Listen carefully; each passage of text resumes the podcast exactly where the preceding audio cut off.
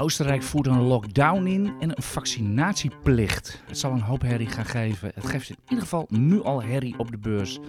Welkom bij de EX Beleggers Podcast. Het is vrijdag 19 november 2021. De AX knikt iets lager, een tiende, het stelt niet zoveel voor. 823 staat er op het bord. Dat er deze week weer een all-time high was op 829 en nog een beetje. Ja, en kijkt u maar even naar de koersen van PostNL, Justy Takeaway, Basic Fit en vanmiddag misschien Peloton en Zoom wel in de, in de VS. Dat zijn echt de usual suspects eh, voor, voor een lockdown. Ik ga dat vragen aan eh, Robert Manders van, van IG Markets. Schrik jij erg van het nieuws, eh, Robert? Van de lockdown in Oostenrijk? Ja, maar ook dat de koersen daar zo op reageren. Ik zat er net grappen en toen ging ik kijken en uh, procentenverschil. Ja. Dat verbaast me eigenlijk wel. Ja, dat Post, had ik PostNL ook genoemd? Dus, uh, ja, die geloof het ook. Ging je niet omhoog, PostNL? Ja, ja. Nou, aan Niels, uh, aan jou ook even Basic Fit gaan vragen. Want dat is natuurlijk jouw favoriete aandeel. Ik zag net bijna min 4,8 staan. Hm. Ja, nee, ja, het gaat omlaag. ik kan niks anders zeggen. Ik denk niet zozeer dat het alleen maar met Oostenrijk te maken heeft. Uh, dat, omdat Oostenrijk is een relatief kleine speler. Alleen, wat je vaak ziet in Europa, is dat als een, het ene land bepaalde maatregelen aankondigt, dat er nog wel de rest van de landen gaat volgen. En mijn inschatting is dat zomaar ja, een kandidaat is, bijvoorbeeld Frankrijk, die zou kunnen volgen met misschien wel dezelfde maatregelen. Ook een harde lockdown. Ja, en als er één bedrijf is die groot is in Frankrijk, dan hebben we het over Basic Fit. Want uh, daar zit meer dan de helft van de sportscholen. Dus uh, ja, maar denken jullie dat het even, even wat stoer moet is in de koersen? Dat zien we natuurlijk vaker als er onverwacht nieuws is. Dat er even flink wat volatiliteit is, of dat dit er wel weer uitloopt. Want ja, dat is natuurlijk wel wat de beurs doet. Hè? Die, die prijzen natuurlijk voor de rest van de eilanden dit ook al in. Uiteindelijk gaat het er wel uitlopen, dat denk ik wel. Alleen wanneer dat is, het kan natuurlijk een paar weken gewoon zo doorgaan. Het hangt, hangt een beetje vanaf. Kijk, uiteindelijk gaat het nog steeds om het bedrijf zelf. Kijk, kijk je bijvoorbeeld naar Unibail Rodamco, dat is ook een corona-aandeel. Kijk, ja, daar, kan, daar zal de pijn wat harder aankomen, want die waren al zwak. Uh, en bij Basic Fit, ja, dat is toch een heel andere situatie. Die kunnen relatief makkelijk geld ophalen. Dus ik denk ook dat dat, het hangt dus echt van het type bedrijf af of het blijft zitten of blijft hangen. We moeten, dat, uh, we moeten dat maar even afwachten na dit weekend, et cetera. Wat gaan we allemaal doen in deze podcast? Ja, normaal gesproken is het half november. Dan droogt het nieuws op. Dan hebben we het over eindejaarsrally. En dan wordt het uh, langzaam maar zeker, droogt de volatiliteit ook wat op op de beurs. Hoe anders is het, uh, is het dit jaar? Het blijft maar gaan met het nieuws en de koersbewegingen. We hebben misschien de elektrische autofabrikanten deze week gezien. Waar gaan we het allemaal over hebben? We gaan het uiteraard over de brede markt hebben, zoals we altijd even doen. We gaan het natuurlijk over Shell hebben met het grote nieuws. Groot nieuws was er ook bij Ahold. Groot nieuws is er al een tijdje bij Philips. Daar moeten we ook weer wat over gaan zeggen. Er waren er vreemde bewegingen in TomTom deze week. Daar gaan we het ook nog over hebben. We hebben weer een resum lezersvragen. En daarna doen we ook nog even wat buitenlandse aandelen in post. Dat staat hier wel op Bedamrak genoteerd. Dat is een drama. We hebben drama bij Alibaba en we hebben feest bij Nvidia. Ik denk dat ik het zo wel ongeveer uh, samenvat. Ik was even naar de brede markt gaan. Wat, ik noemde al een aantal dingen op. Wat was jouw nieuws van de week, Robert? Uh, ik denk het gedaalde, de gedaalde euro. Dat is een beetje. Ik ben een soort van perma-bear op de euro. dus dat vind ik gewoon leuk nieuws dat de euro gezakt is. Dat vind jij belangrijk? Ik noem al eens een serie aandelen op. Dat vind jij belangrijk? Ja, dat, dat, dat, gaat ons allemaal aan. Het is de valuta van ons allemaal. We, maar we worden er wel armer mee. door. Ja, precies. We worden er armer door. Dus het is, uh, het, is, het is wel belangrijk nieuws voor ons allemaal. Want uiteindelijk komt dat weer terug in inflatie straks. Om de, via nou import. Ja, ik moet eerlijk gezegd wel blij zijn. Ben ik wel blij dat ik mijn uh, reis naar Vegas al drie maanden geleden heb geboekt. Want het is, echt, ja, die, het is echt hard gegaan de laatste maanden. Het is geloof ik, hoeveel procent is de euro minder waard geworden? Zit je al 6, 7 procent? Zit je toch die richting in? Nou, iets minder. Maar het ligt ook aan wanneer je begint met kijken. Maar het is, het is al hard gegaan. Maar uh, je, heb je, ben je gehedged? Ik ben, uh, ja, ik heb al betaald, dus uh, ze kunnen me niet meer pakken. Okay.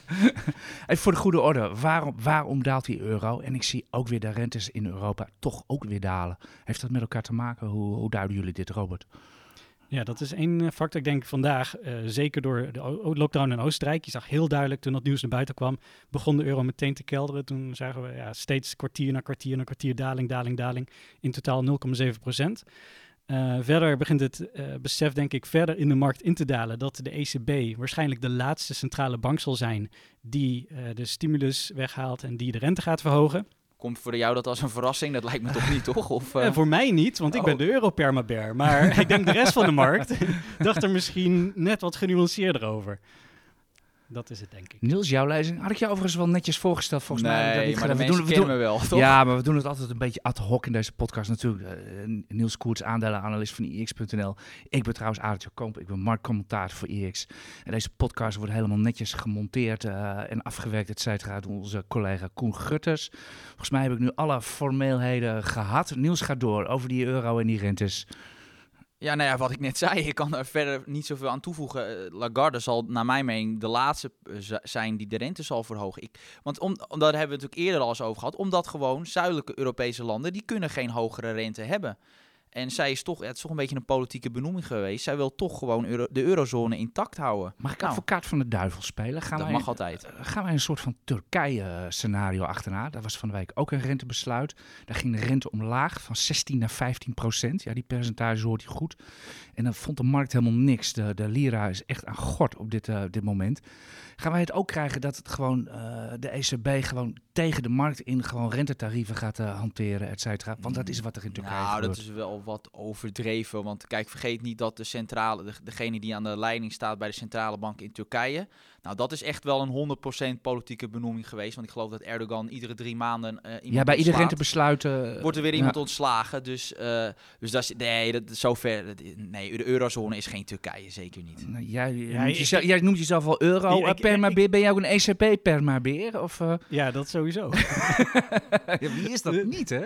Kom Nee, jullie, maar- kom, even, even, even, even tussen haakjes. Komen jullie echt ooit iemand tegen die zegt van... Ah, die ECB en die Fed die zijn echt fantastisch bezig? Ik eigenlijk nooit.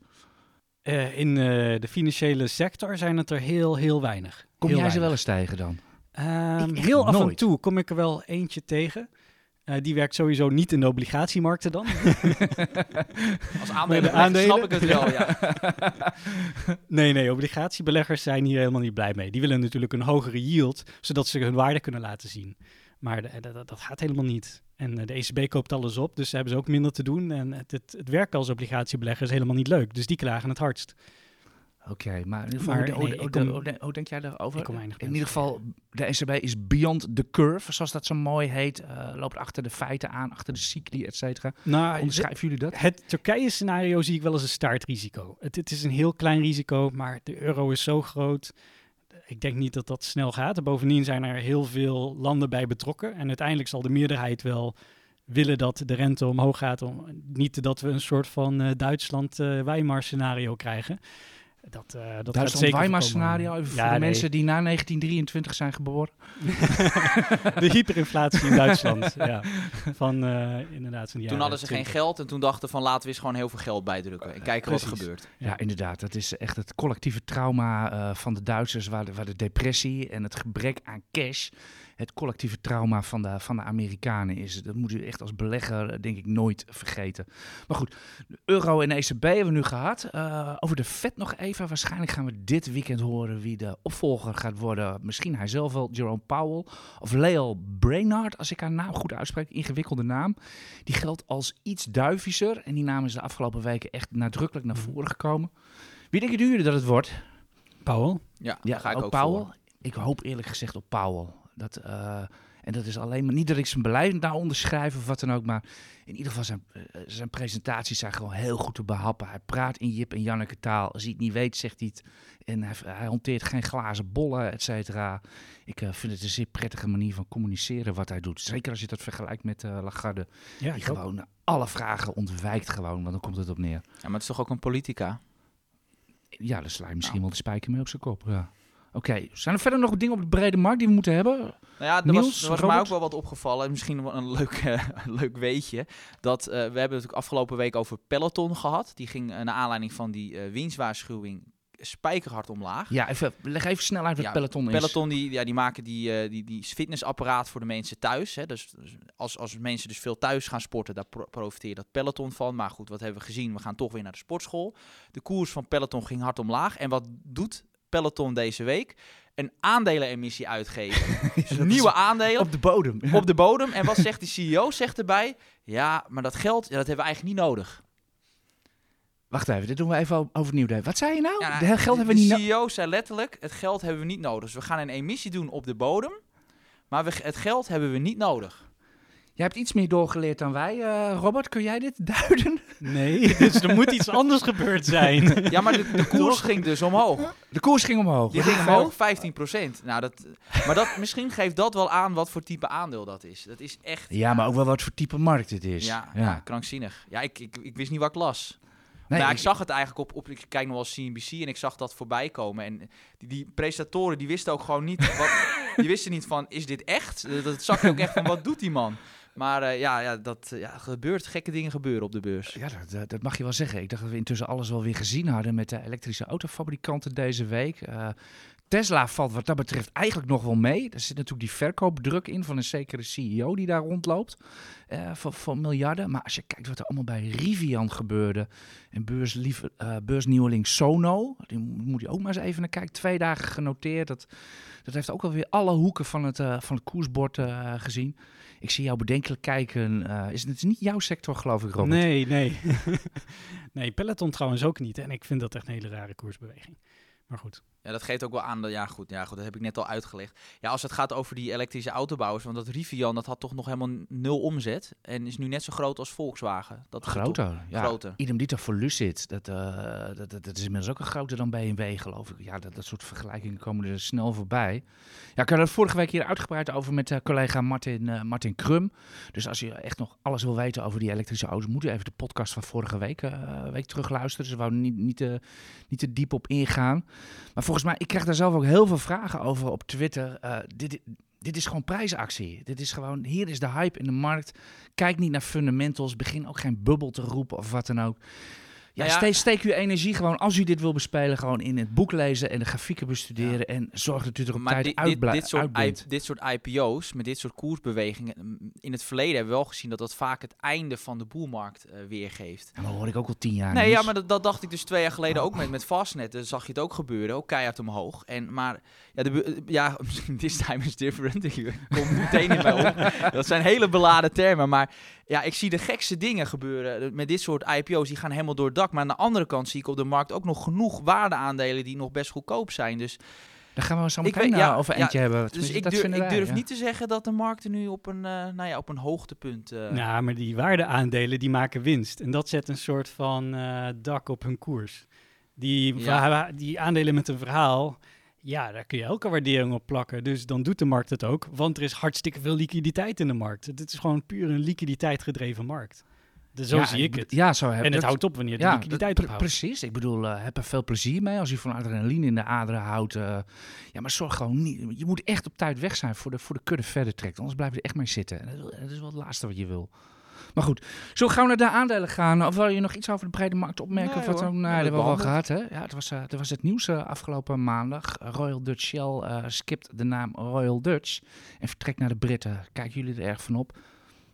Ja, mijn manager is een Brexiteer en die had al een, eh, een vervelende grap gemaakt. Maar ja, het, het, maak hem ik- maar. het is niet leuk. Het is niet leuk. Ik, ik las leedvermaak in de Britse pers. Tussen de regels door hoor. Ja, de Heb jij dat- Britten, die, die Britten die, die wrijven in hun handjes, die vinden dit fantastisch natuurlijk. Dit is voor hun het bewijs dat eh, de Europese Unie slecht is, oud, socialistisch, niet werkt. En dat eh, ja, het Groot-Brittannië veel beter af is zonder de EU.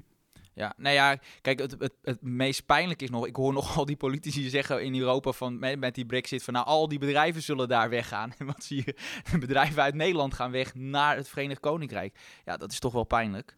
Anderzijds... Je ja, lacht erom. Nou ja, ja ik, ik, ik moet altijd, ja, je, je kan maar be- beter lachen. Ja, ik weet niet. Ja, maar- dat houdt wel het langste vol op de Da- beurs. daarom. ehm, maar ja, aan de andere kant met Shell, het, het gaat natuurlijk wel, ja, het, als je echt eerlijk bent, ja, het- hoeveel mensen gaan er nou, het is het hoofdkantoor, en hoeveel mensen gaan er nou weg? Ah, strikt genomen gaan er tien mensen weg.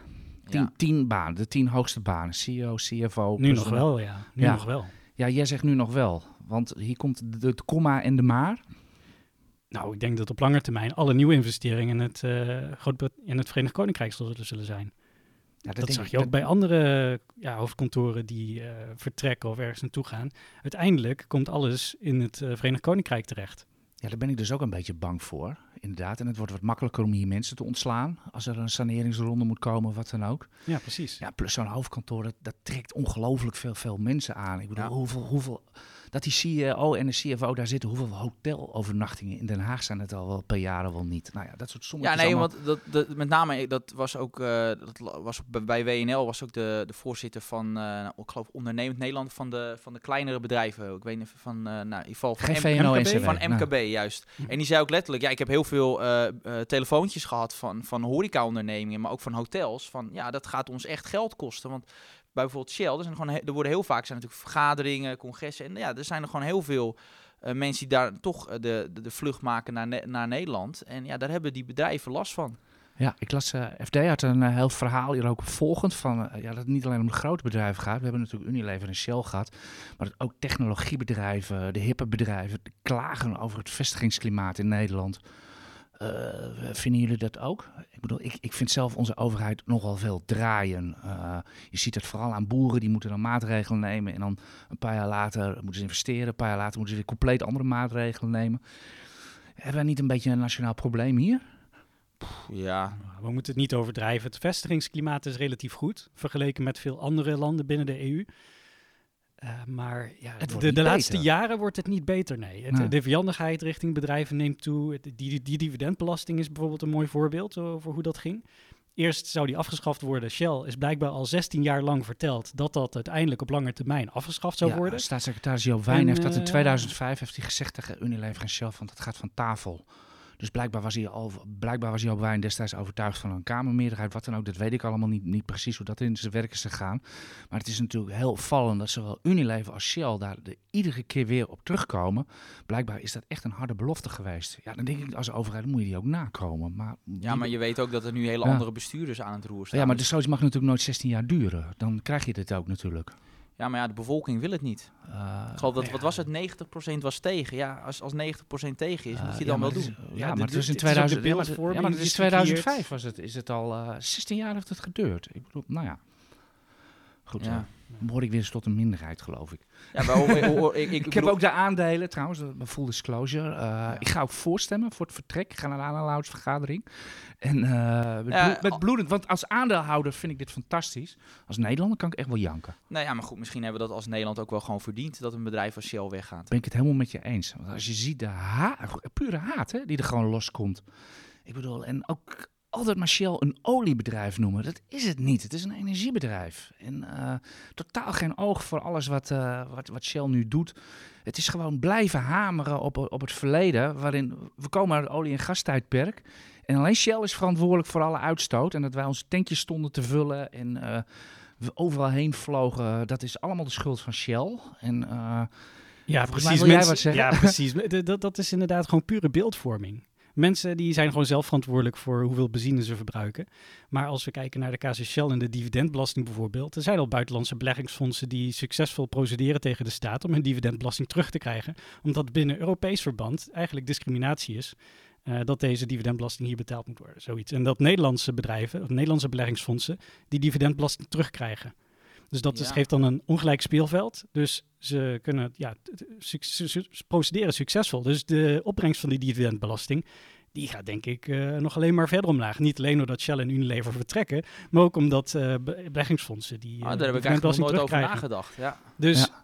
Ja, waarschijnlijk eh, is dit gewoon puur weggegooid geld, eh, die dividendbelasting eh, maatregelen. Die, Nou, die jammer dat we zo, zo eens zijn hier Ja. met z'n drieën. Daar krijgen we zou wel leukste- kritiek over. Ja. Ja, wat dat betreft eh, zouden we eigenlijk moeten, moeten hebben die falikant met onze uh, ja maar we, we hebben wel ideeën om iemand uit te nodigen. ja, ja, maar eh, ja, misschien is dat ook wel een beetje inherent. Ik denk dat bijna, bijna iedereen op de beurs, of wat er beleggers die ik spreek, die, eh, die, die, die spreekt hier eigenlijk wel een beetje schande van. Dat de Shell eigenlijk wel een beetje het land is uitgejaagd.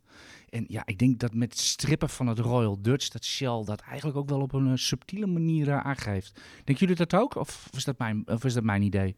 Ja, dat denk ik ook. Zullen we gewoon doorgaan? Misschien we hebben, lezersvragen? we hebben nog een. eh, we hebben nog wel een. eh, zullen we eerst nog even dat andere Ja, we- koninklijke. wat wel een- nog steeds een koninklijk aandeel is. en die titel ook behoudt. Koninklijke Aal Herze. Ja, die gaan wel goed.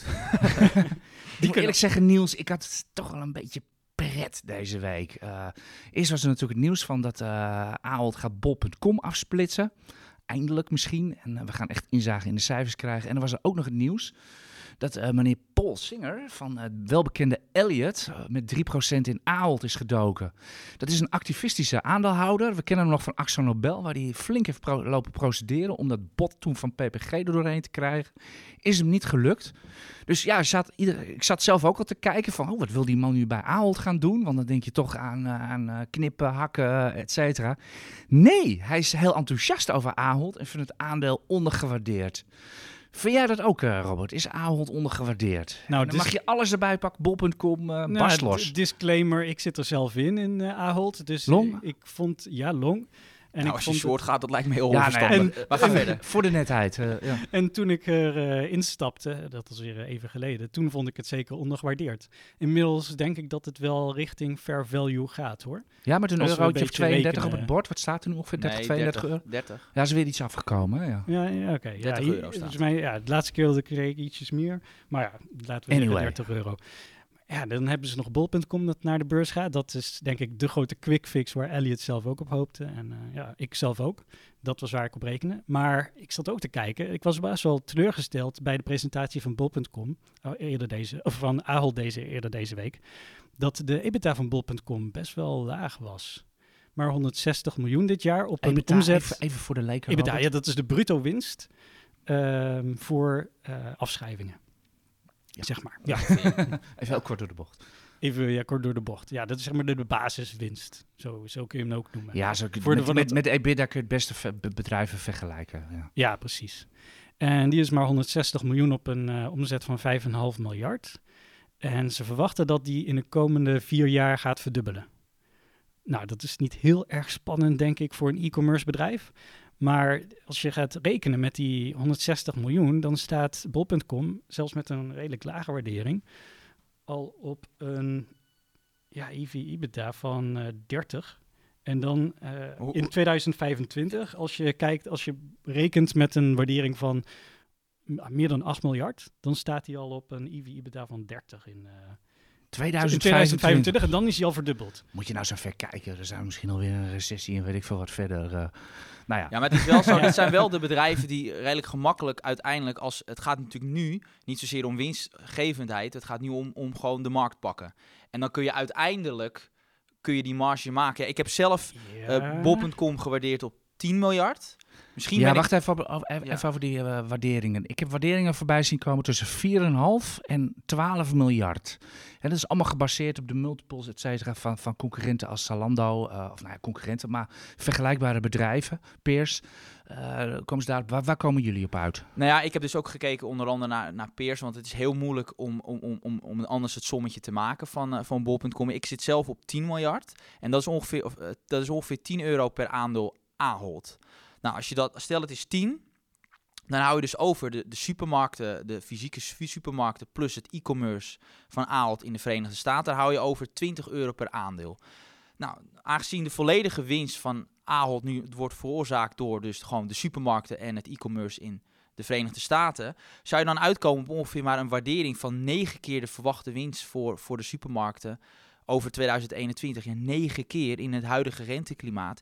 Ja, dat is naar mijn mening veel te laag. Ik zou dan echt zitten naar 12 à 15. En dan kom ik uit op een, eh, op een, op een koersdoel voor, voor Ahold. Hè, dat is echt op persoonlijke titel, eh, op, op 40 euro. En ik denk eerlijk gezegd nog zelfs dat het koersdoel van 40 euro nog te conservatief is. Ook helemaal als je vergelijkt met bijvoorbeeld hoe Walmart in de Verenigde Staten wordt gewaardeerd. Dat zijn echt Eh, hele ja, maar er zit andere natuurlijk, waarderingen. altijd een, er zit natuurlijk altijd een premie op Amerikaanse aandelen. Dat Ja, moet je natuurlijk nooit vergeten. Dat hè? klopt, maar ik geloof wel dat ik geloof Walmart zit al op 27, 28, dat soort multiples. Hè. Is twee keer zo duur een aandeel. Daarom. is, Dus, zowat. en Dus- dat vind ik wel heel fors. Dus ja, 40 euro is voor Ja, mij echt makkelijk halen. Wacht even, 40 euro. Is dat, dat is een Ahold plus bol.com, hè? Dat is, dat is wel voor de hele bluts. eh, ja. ja. Robert, jouw sommen. Ja, ik zat voor hij pakt zijn bol.com. boekje erbij. Dus, ja, eh, ik zat voor bol.com op 5,5 tot maximaal. En dit is echt de max 8 miljard. En dat- aanzienlijk minder dan wat Niels op uitkomt. Ja. Ja. en daar heb ik een reden voor. Dat is dat Amazon nu al op een EV-EBITDA van 30 staat. En bol.com op een waardering van zo'n 5,5 miljard ook. Die staat Ja. ook op een eh EV-EBITDA van 30. En wat is nou meer waard? Amazon of Bol in relatieve zin? Nou, Amazon natuurlijk. Die hebben een heel succesvol AWS-systeem, maar met servers die ze uitverhuren en dat soort dingen. Uh, ze, ze groeien Ja, veel harder dan Bol. van, van Bol, Ze mogelijke groeien harder. van- Ze groeien harder. Ze hebben meer groeipotentie, denk ik. Dus eh, ook ja, als je kijkt naar al, al die metrics, het, het is gewoon logischer, denk ik, om Amazon te kopen. Als je ze voor dezelfde prijs kan kopen als Bol.com. Eh, dan is er een, oké, dan Maar ook al kun je van kun je met- inderdaad zeggen dat die Ja. marges omhoog kunnen gaan. Eh, dat was een goed punt voor jou, eh, Niels. Maar zelf verwachten ze dat niet over de komende vier jaar. Dus dat vind ik ook wel teleurstellend. Want ze zeggen hun, dat, onze, dat hun EBITDA gaat verdubbelen, maar ook dat hun omzet gaat verdubbelen van Bol.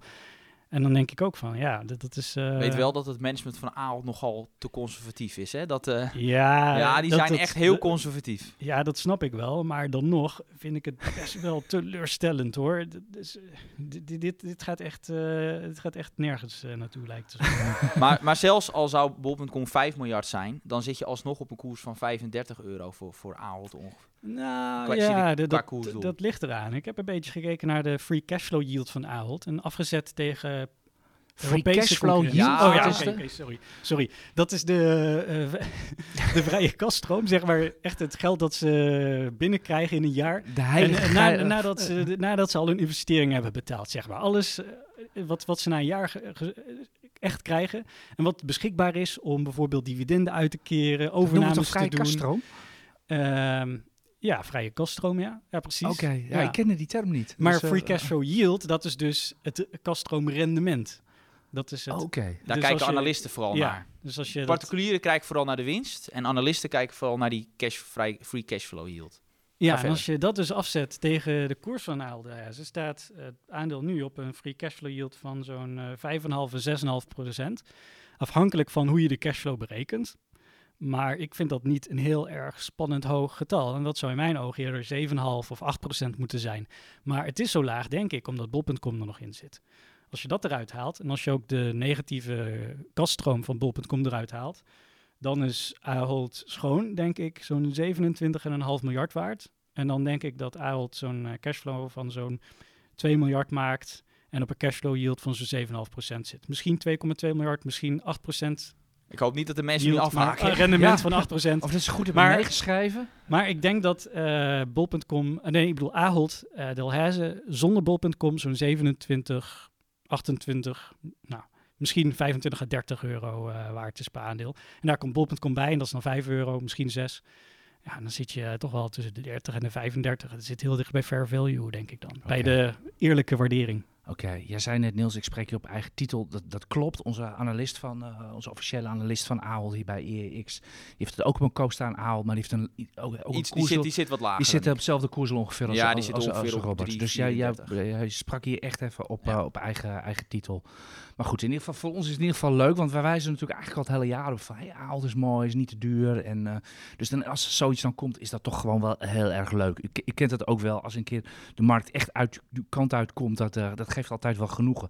We gaan gauw verder. Zullen we met, ehm, nog even Philips doen, of gaan we eerst naar de lezers vragen? Ik denk wel een lezersvraag. Eh, van Vaas Groot. Weten jullie waarom ArcelorMittal zo laag staat ten opzichte van de adviezen van zakenbanken? Robert, weet jij daar? eh? Ik denk dat het probleem in eh, China ligt. Dat mensen bang zijn voor eh, de fallout van Evergrande, want de Chinese constructiesector is enorm groot. Eh, het Chinese staalverbruik is ook enorm groot ten opzichte van de rest van de wereld. Ik denk dat dat een eh, reden is. Ook de, je zag ook dat de ijzerertsprijzen hard daalden de afgelopen maanden. Die staat al op het laagste punt van dit jaar tot nu toe. Terwijl ArcelorMittal hoger staat. Ik denk dat we het in eh, die hoek moeten zoeken. Ook de staalprijzen zijn al gezakt. Er is iedere dag wel iets van nieuws wat, wat, wat ArcelorMittal links of rechts raakt. Altijd. Wat dat betreft is het... eh, nou ja, het is ook niet voor niets natuurlijk ook een hoog risico aandeel. Heb jij een verklaring voor Niels? Ik, Eh, ik, denk kan dat, het ook dat, niet. Ik, dat eh, Robert wel, wel redelijk Ja. goed zit. Eh, de volgende vraag is van ja, Bo, Bo, Boerke. Ja, echt de meest afschuwelijke namen. Eh, persoonlijk vind ik een combinatie van een meteen een politieauto voorbij Ja. Ik weet niet of dat toeval is, maar... eh, Uh, persoonlijk vind ik een combinatie van een stabiel dividend plus de inkoop van eigen aandelen de beste manier van een bedrijf om zijn aandeelhouders lang aan zich te binden. Hoe kijken jullie hier tegen? AJ. Eh, in principe ben ik het eens, maar ik zou dat willen vervangen door stabiele dividendgroei. Ja, ja nou, ik wil er nog wel een, zeker een opmerking bij maken, omdat het niet in. Het hangt wel af van het type bedrijf. Kijk, een groeibedrijf, ja, die moet zoveel mogelijk investeren. Ik bedoel, als bijvoorbeeld nu een bedrijf als bijvoorbeeld Amazon aandelen gaat inkopen, ja, dan kunnen ze, wat is het, 2% van zijn eigen aandelen inkopen. Ja, dat is natuurlijk helemaal niks. Dus het gaat er echt om van wat is nou eh, eh, het rendement op het geïnvesteerd vermogen. Dus bedrijven die bijvoorbeeld groeien en dus door te investeren in groei daar meer rendement mee kunnen halen, moeten ze dus gaan voor investeren. En bedrijven die wat vaak in volwassen markten opereren, die, eh, ja, die kunnen beter kiezen voor, eh ja, voor eh, aandelen inkoop of dividend, omdat dan weer meer rendement genereert voor aandeelhouders. Dus het hangt echt af van het type bedrijf. Denk jij daar ook zo over, Robert? Ja, helemaal mee eens. Oké, nou dat is heel kort. Eh, de volgende. eh, hebben jullie enig idee wat Hal met zijn miljarden gaat doen? Van Beerbaron. Nou ja, ik ben toevallig de analist van, eh, van Hal. Nou, dan moet jij er maar even over Ja. uitlaten. Wat ik natuurlijk wel heel erg leuk vind, is in deze van een maand geleden ongeveer bracht Hal niet Coolblue naar de beurs. Want ik denk dat Hal daar wat dat betreft wel een beetje de scepter zwaait en niet Coolblue zelf. Zullen in ieder geval zwaarwegende stem hebben. En nu wel natuurlijk aholbol.com. Ik vind dat zelf heel, heel saillant. Ehm, en verder geef ik het woord graag aan jou eh, ja, hierover. nou ja, ze hebben, ze hebben ongeveer 6 miljard in kas. En ik heb eerder in, eh, op 1 juli ook wel een uitgebreid artikel geschreven over wat ze mogelijk mee kunnen doen. En ja, wat ik zelf denk is dat eh, Fugro, een overname van Fugro, wel, wel echt wel interessant is. Ook omdat zij een, een groot belang hebben in Boskalis. En als Fugro dan weer onderdeel uitmaakt van Boskalis, kan dat voor synergie-effecten zorgen. Ja, u hoort intussen, eh, deze podcast wordt opgenomen bij Damrak. De AFM boevenwagen weer voorbij komen. Als u zometeen een stem hier mist, dan weet u dat iemand van ons eh, de Sjaak is. Maar volgens mij geven wij braaf disclaimers af en doen wij verder niks oorbaas. Dus we gaan onverdroten verder. Ja. Robert, heb jij, eh, heb jij hier nog iets over? Jij weet niet wat eh, Hal met die centen gaan doen. Je hoeft ze- Lokale markten, ja, ja, dat is je hoeft Hal ook niet te gaan bellen wat ze er mee gaan doen. Ze nemen toch ik, niet op. Nee, ik heb ze nog nooit gehad dat ze opnamen. Ik heb wel eens geprobeerd, maar ze nemen niet op. ik, ben, ik heb twee keer geweld, geloof ik, nooit verder dan een telefoniste gekomen. Ja. Ehm, eh, vierde vraag is van Nino Hieltjes. Van waarom de banken zo hard dalen vandaag? Eh, rente. Ja, en eh, kan je ook toelichten waarom banken eh, er nadeel van hebben dat de rente omlaag gaat? Eh, banken en verzekeraars dalen hard vandaag. Ik heb even niet de laatste koersen gezien hoor, sinds zeg maar dat Oostenrijk nieuws er, eh, nieuws er is. Dat heb ik niet gezien. Maar eh, zeker verzekeraars eh, zijn afhankelijk van, van, eh, van renteresultaten, banken ook. Ja, en als dan de rente daalt, dan, eh, dan wordt het doorgaans wat minder. Helder, ja, daar gaat gewoon een marge omlaag. Ja, en ze zijn ook een beetje corona-gevoelig natuurlijk. Ja, En, eh, slechte lockdown leningen. Dus eh, ja. Hè, en en bij, de, bij de verzekeraars geldt dan weer eh, schadeclaims, et cetera. We hadden natuurlijk van de week of vorige week Egon al die meer schadevergoeding moesten uitkeren voor, voor eh coronaslachtoffers. Dus eh, in die hoeks moet u het zoeken. Een We gaan er andere- strak doorheen, eh, Niels, Ja, door die ja, ja. vragen. Je eh, zei dat ja. het snel moest. Nou, we Ja. doen het nu een beetje up tempo. Hè? Oké, De ja. volgende vraag is van eh, Ru- Ruger Smits, 96. Eh, ja, Die Eh, moet deze echt achteraan. De- ja, ja, deze vraag is eh, voor Robert, denk ik wel. Zou het niet logisch zijn dat na zeven vette jaren er een flinke correctie komt? En daarop aanvullend was ook een vraag van Mark Baarveld. Of het niet gewoon beter is om nu gewoon 80% cash aan te houden. Aangezien we ja, toch op een hoogtepunt zitten. Wat, wat denk jij daarover? Waarom zou dat mijn vraag zijn? Omdat ik vind dat iedereen altijd long moet zitten. Ja, nee, maar daarom dacht ik van, ik jij zal er wel een mening over hebben. Ja, nou, pff, wette correctie, ik, ik weet het niet. Ik weet het niet. Eh, Je kan er niet de klok op gelijk zetten. Er is geen eh, cyclus van eh, precies zeven jaar dat je de klok er gelijk op kan zetten van nu komt de correctie. Dus daar geloof ik niet in. Dus als dat je theorie is, dan Nou- kun je die be- best loslaten, denk ik. Ja. Of de markt op een hoogtepunt staat, jazeker. Waarderingen staan op een hoogtepunt, jazeker. Maar dat was twee jaar geleden ook het geval. En kijk waar we nu staan. Ja. Dus Ja, en misschien daarop aanvullend, eh, wat wel interessant is, er kwam ook, laatst hadden we een, een soort van een, een tabelletje kwam ik tegen van een onderzoek. Dat eh, hadden ze in kaart gebracht van eh, in markten nadat ze 20% zijn gestegen in een bepaald jaar, dus echt hele hoge rendementen hebben gemaakt. Wat doet de beurs dan in het daaropvolgende jaar? En wat bleek nou? Dat vaak het daaropvolgende jaar ook gewoon best wel heel goed is. Dus dat, wa- wat we dus niet snel zagen, was dat na een echt topjaar, dat dan het jaar daarna de beurzen echt enorm kelderden. Dus eh, ja, misschien is het, ja, het is ook maar gewoon statistiek, maar dat is bij deze. Eh, nou, gewoon statistiek. Statistiek is eigenlijk het enige houvast wat Ja. je hebt in, de- in de markt. Maar uiteindelijk voorspelt het natuurlijk ook weer helemaal niks. En eh, ja, ik bedoel, deze meneer eh, die wil gaan timen. En eh, dat, is, eh, dat is de duurste hobby op de beurs, timen. Nou, de enige kans die je hebt is goed kijken naar de rente en de inflatie. En als je goed kan voorspellen wanneer centrale banken echt op de rem gaan staan en echt rente gaan verhogen, en dat de liquiditeit echt terugloopt, dan kan de beurs echt dalen. Maar ja, wanneer dat maar- gebeurt, maar dat weet is- ik ook niet. Maar, maar dan is vaak het probleem, de mensen die dan goed zitten, dan, vinden, dan stappen ze vaak niet meer in, dan daalt het. Maar dan vinden ze het alsnog te duur en stappen ze niet in en dan herstelt het weer en dan heb je weer alles gemist. Dat is vaak wel het probleem. Ja. ja. Maar goed. Ik, eh, ik beleg sinds 16 jaar. Die, dit getal zijn we eerder tegengekomen, deze, deze uitzending. Volgens mij. Ik, ik beleg al 16 jaar door maandelijks de markt te kopen. En eh, dat is gewoon echt de beste manier. Dan beleg je door alles heen en hoef je geen mening te hebben over of de markt eh, op een top staat of op een bodem. Want daar ga je altijd mee de mist in. En dat is vreselijk duur. En 80% cash aanhouden, dat kost je op dit moment 4% per jaar. Dus, Plus eh, de vermogensrendementsbelasting. Ik zeg het er altijd graag bij. Ja, dan komen, er komen nog wel wat kosten bij, et cetera. Dus ik zou zeggen, vet voor jeu. Naar de aandelen maar gaan? Eh, nou, ik ben bij jeu. Dan bedoel ik meer een beetje van, ja, kies er maar voor om te gaan timen Ja, dat of snap niet. ik. Maar we hebben nu de lezersvraag gehad. Oké, dus- ja. Zullen we dat maar weer gaan doen dan? Even heel kort Philips dan, eh, nieuws. Want daar heb je natuurlijk eh, bijna iedere uitzending al over. nou ja, Even- er was wel, was wel aardig wat nieuws deze week. Want ik zet, ik zet de koersenscherm aan en hij gaat 10% lager. ja, dat was maandag. Ja. Ja. Ja, echt wel eh, ja, een- best wel ja, vervelend nieuws. Ja, Want jij bent de aandelenanalist, hè? Ja, Van, van, ja, heb- jij hebt de eh, aandelen ook, of niet? Ik heb ze, ik heb wel het advies verlaagd. Ja, voor het echte advies moet u maar naar de site gaan. Eh, ja, want ik kwam Dus nu... Jouw kennende van strong buy naar iets minder Nee, strong buy? nee, nee, nee, nee. Eerlijk gezegd... eh, Schrapje. ja, nee. nee, wat, wat, wat bleek nou? Dat ze toch wel in, eh, waarschijnlijk al in 2015, 2016 op de hoogte waren van die problemen met die eh slaapapneuapparaten. En dat is toch best wel eh, nou ja, belangrijk nieuws, met name als het gaat om rechtszaken. Want als zij op de hoogte waren dat die problemen er eventueel waren. De FD zei ook van, nou, er waren echt problemen met procedures, risicoanalyses, allemaal niet op orde. Oftewel, de FDA, de toezichthouder in Amerika, zei eigenlijk, Philips, je hebt er een potje van gemaakt. Ehm, ja, daardoor staat het bedrijf juridisch zwakker. En ja, met dit soort hoge risico's, ik, weet, ik kan niet berekenen hoe hoog die schadeclaims gaan zijn. Dat hangt ook af van hoeveel mensen ook echt schade hebben Ja, maar ik kan me voorstellen dat de A- Amerikaanse schadeadvocaten hun messen slijpen nu. Ja, eh. die zijn, eh, zijn aardig bezig. Dus, dus, dus ja, ik heb hem niet op cel gezet. En dat is met name omdat er zit wel al heel hoop ingeprijsd. Want een mooie eh, vergelijking, eh, Siemens Health, dat is een, eh, nou, eigenlijk een soort van concurrent van Philips. Echt zit in precies dezelfde branche. Die, is op die noteert tegen een premie ten opzichte van Philips van ongeveer 60 à 70 procent. Oftewel, Siemens Health is ongeveer 60, 70 procent duurder dan Philips. Dus er zit wel al redelijk wat, eh, wat ingeprijsd. Oké, Robert, jij hier nog iets over? Ja, ik ben het wel eens met Niels eigenlijk. Er zit veel ingeprijsd, maar het is echt een heel groot risico, dus ik koop het aandeel niet. Nee, nou ja, ik zit er zelf in, maar ik ben niet zo'n echt zo'n trader, dus ik, ik hou het gewoon vast.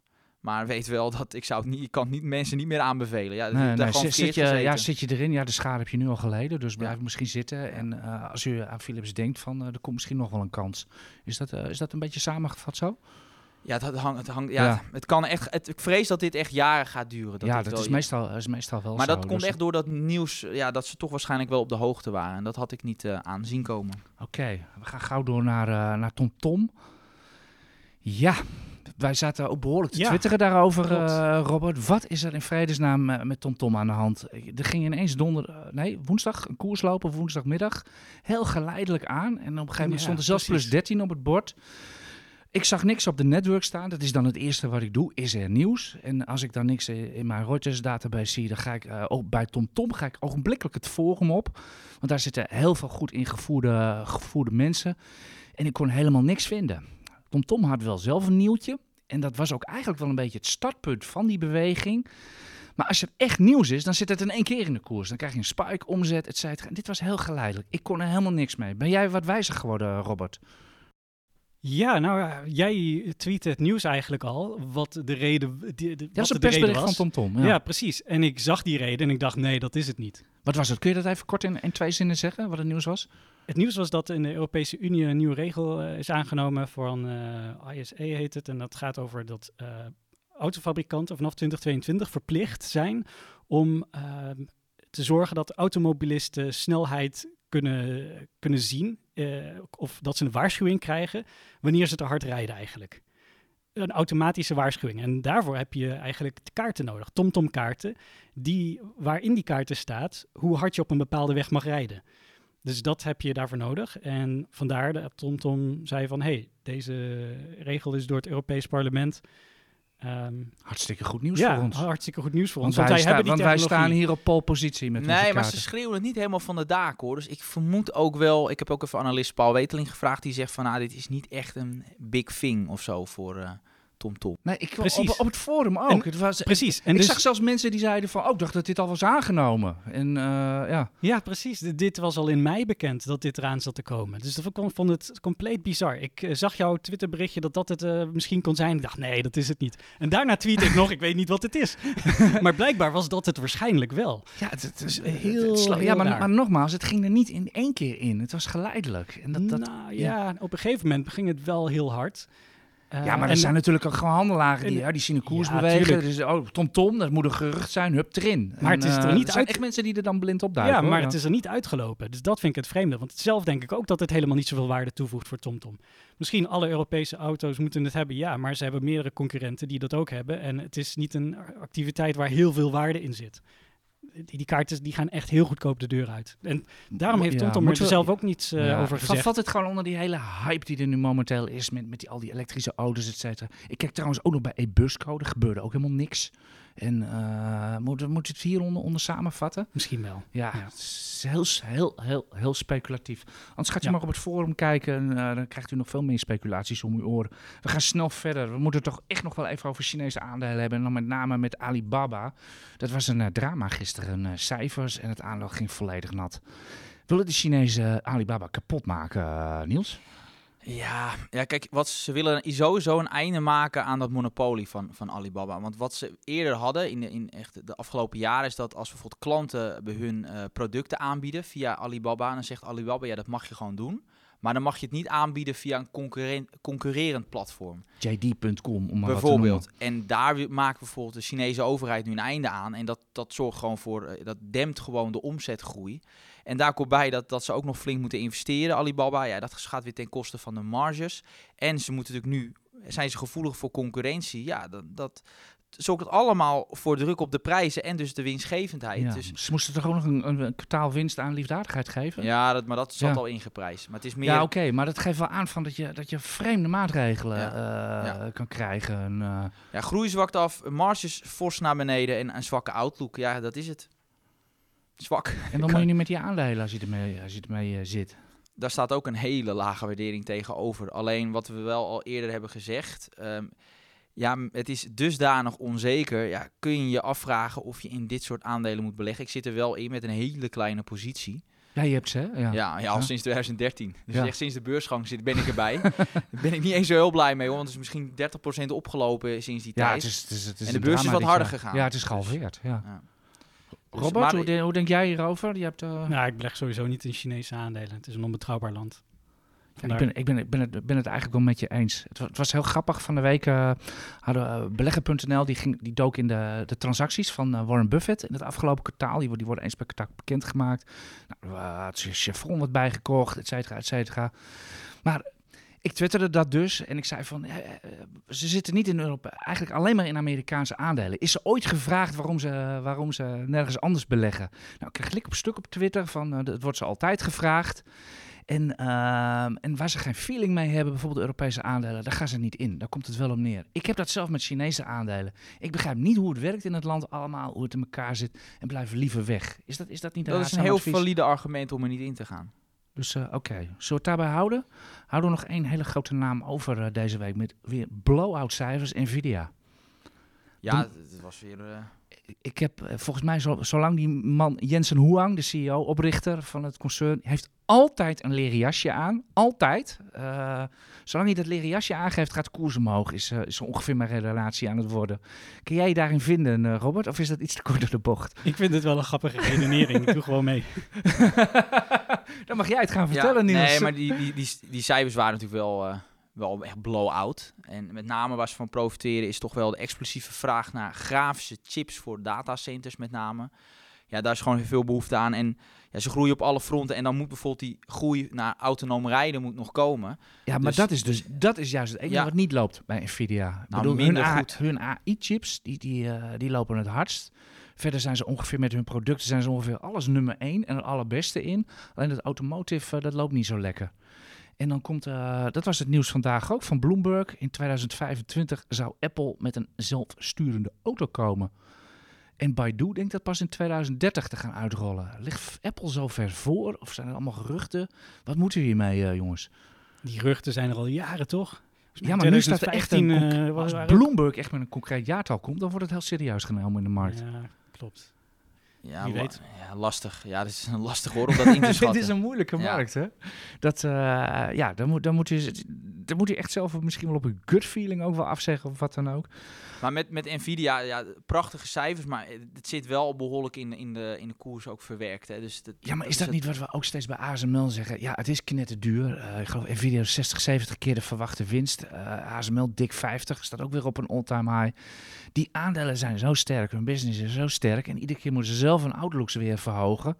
Is dat, is dat niet gewoon gerechtvaardigd? Ja, maar ja, aan de andere kant, statistiek hè, waar we het net over hebben, ja, bewijst ook dat de, de, aandelen over het algemeen met de hoogste waarderingen in het verleden, en dan hebben we het over een hele lange periode, meestal niet de outperformance over een lange periode bleken te zijn. Uh, nee, als er, als er een bear market komt of wat dan ook, of het gaat economisch tegenzitten, zijn dat natuurlijk de aandelen die het hardst naar beneden gaan. Dus je Juist moet daarmee uitkijken. dus uh, ja, dat is zeker, zeker geen, uh, geen no-brainer.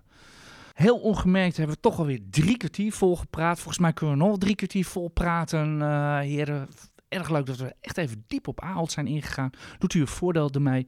Hartstikke bedankt weer voor het luisteren. We danken Robert voor zijn, uh, voor zijn komst en, uh, en IG.